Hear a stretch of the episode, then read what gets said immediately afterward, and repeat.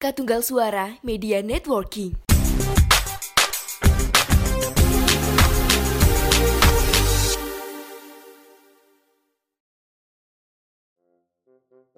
Halo Sobat Poseidon, kembali lagi di konten paling random miliknya podcast sejarah Indonesia. Di luar kelas, tempatnya sejarah yang tidak jelas. Bersama saya Ega Arkananta. Orang tuh kadang-kadang kan punya hobi sama kesukaan tuh aneh-aneh ya, beda-beda gitu loh.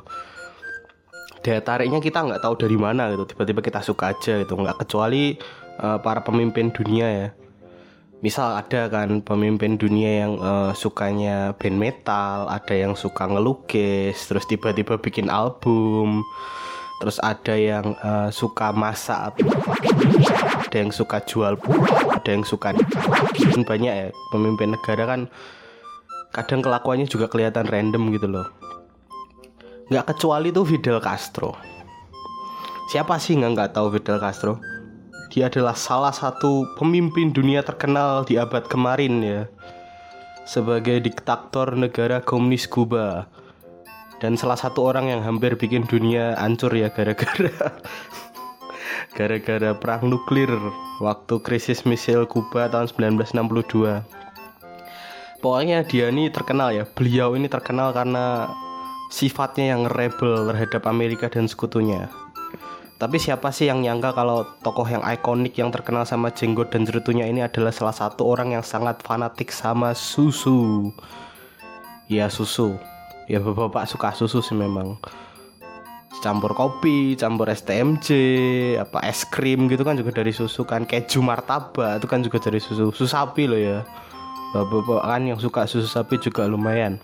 Bapak Fidel Castro ini sendiri tuh bisa ngabisin sekitar dua wadah es krim ukuran 14 sampai 16 ons tuh ya. Itu dia makan dua setelah makan besar. Jadi makanan penutup dia tuh es krim dua dua ember ya, dua ember yang kecil tuh. Dia bisa makan segitu setelah makan besar. Tapi ajaibnya adalah Bapak Fidel Castro itu uh, meninggalnya di usia 90 tahun ya. Jadi walaupun pola makannya tuh gila ya, kalorinya tidak tidak terhitung sehari berapa tapi beliaunya juga masih sehat ya. Sampai usianya meninggalnya di usia 90 loh hebat sekali. Dan Amerika Serikat sebagai lawan politiknya beliau ya tentu saja juga pernah memanfaatkan susu sebagai salah satu usaha pembunuhan diktator yang satu ini. Jadi si Ayah itu pernah ngecoba ngebunuh Fidel Castro ya dengan cara ngeracuni milkshake coklat kesukaannya di tahun 1963 tapi hal ini gagal karena pil racunnya itu berubah jadi bunga es. Soalnya disimpan di kulkas terlalu lama disembunyiin kan disembunyiin di kulkas terlalu lama. Akhirnya dia akhirnya pil ini berubah jadi bunga es dan waktu diambil waktu dicongkel gitu tuh patah akhirnya nggak bisa dipakai. Jadi gagal tidak jadi meninggal gara-gara minum susu kesukaannya cintanya Fidel Castro sama susu sapi itu cuma bisa disaingi sama cintanya dia sama rakyatnya ya anjay. Terus sama paham komunisme. Jadi cintanya sama susu sapi itu bukan cuma sekedar jadi makanan sama minumannya tapi juga kelihatan dari gaya hidup tuh juga kebijakannya gitu selama memerintah.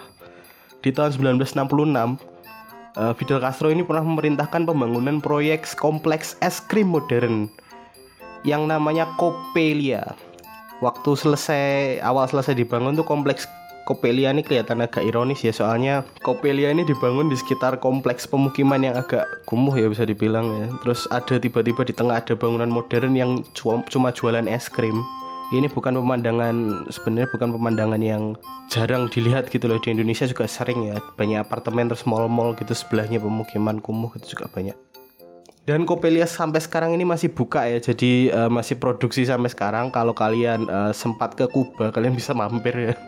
Mungkin ya penasaran gitu siapa tahu pengen jalan-jalan ke Kuba pengen makan es krimnya produksinya bekasnya Fidel Castro gitu sebagai pecinta susu sapi juga, Fidel Castro ini juga ingin memajukan produksi susu sapi di negaranya. Tapi hal ini jadi masalah karena apa? Karena sapinya tidak bukanlah sapi-sapi yang memproduksi susu. Karena nggak cocok ya karena Kuba itu kan panas jadi nggak semua sapi bisa cocok diternak di sana. Dan sapi-sapi yang berhasil diternak di sana tuh bukan sapi-sapi penghasil susu.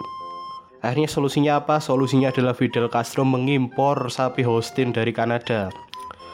Sapi Holstein ya yang hitam putih tuh yang total-total yang ya sapi lah, templatenya sapi kalau bayangin sapi pasti sapi yang itu. Terus gimana dong? Tapi sapi-sapi tadi kan nggak hasil dari Kanada ya.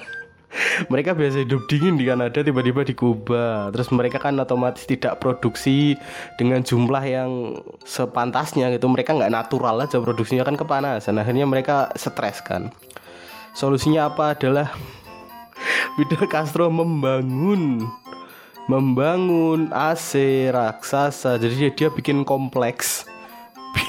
Kompleks biar sapi-sapi ini tuh nggak kepanasan. Jadi dia bikin kompleks yang dilengkapi sama AC raksasa. Itu cuma buat sapi-sapinya dia. Biar biar biar nggak stres terus biar bisa produksi susu banyak. Tapi hal ini kan tentu saja tidak berhasil. Kenapa? Karena ya tadi tempatnya sama aja nggak natural kan sama aja kayak ditaruh di ruangan gitu kan sapinya terus yang kedua adalah perawatan AC tentu saja mahal yang kecil saja mahal apalagi yang gede. Kalau ganti freon susah itu pasti tapi seperti uh, seperti karakter utama anime ya Fidel Castro ini jadi dia nggak gampang menyerah. Karena cara ngimpor sapi langsung tadi gagal dia uh, mencoba cara lain yaitu karena dia diktator ya dia bisa ngatur apa pun. Jadi dia nyuruh menyuruh ilmuwan dan peternakan sapi di seluruh negeri untuk menyilangkan sapi-sapi Holstein sama sapi-sapi lokal Tujuannya adalah supaya tercipta sapi super yang tahan panas dan susunya bisa diperas tapi nggak habis-habis. Dan program ini nggak gagal ya, gagal lagi. Kenapa? Karena tidak bisa tercipta jenis sapi baru yang diharapkan Fidel Castro. Jadi nggak bisa sampai tercipta kayak ras sapi baru tuh nggak bisa. Tapi, tapi ada tapinya ya Nah, dari program tadi itu lahirlah seekor individu sapi yang jadi impiannya Bapak Fidel Castro ini. Sapi ini tuh dikasih nama uh, Ubre Blanca ya.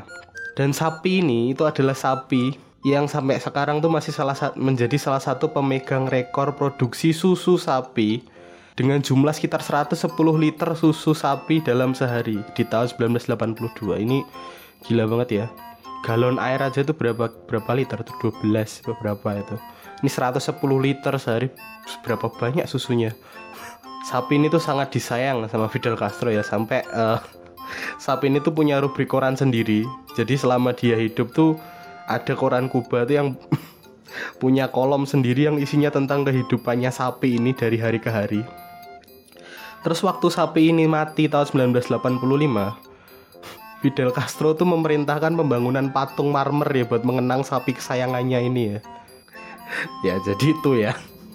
Intinya semua orang punya kesukaan masing-masing, termasuk juga para pemimpin dunia.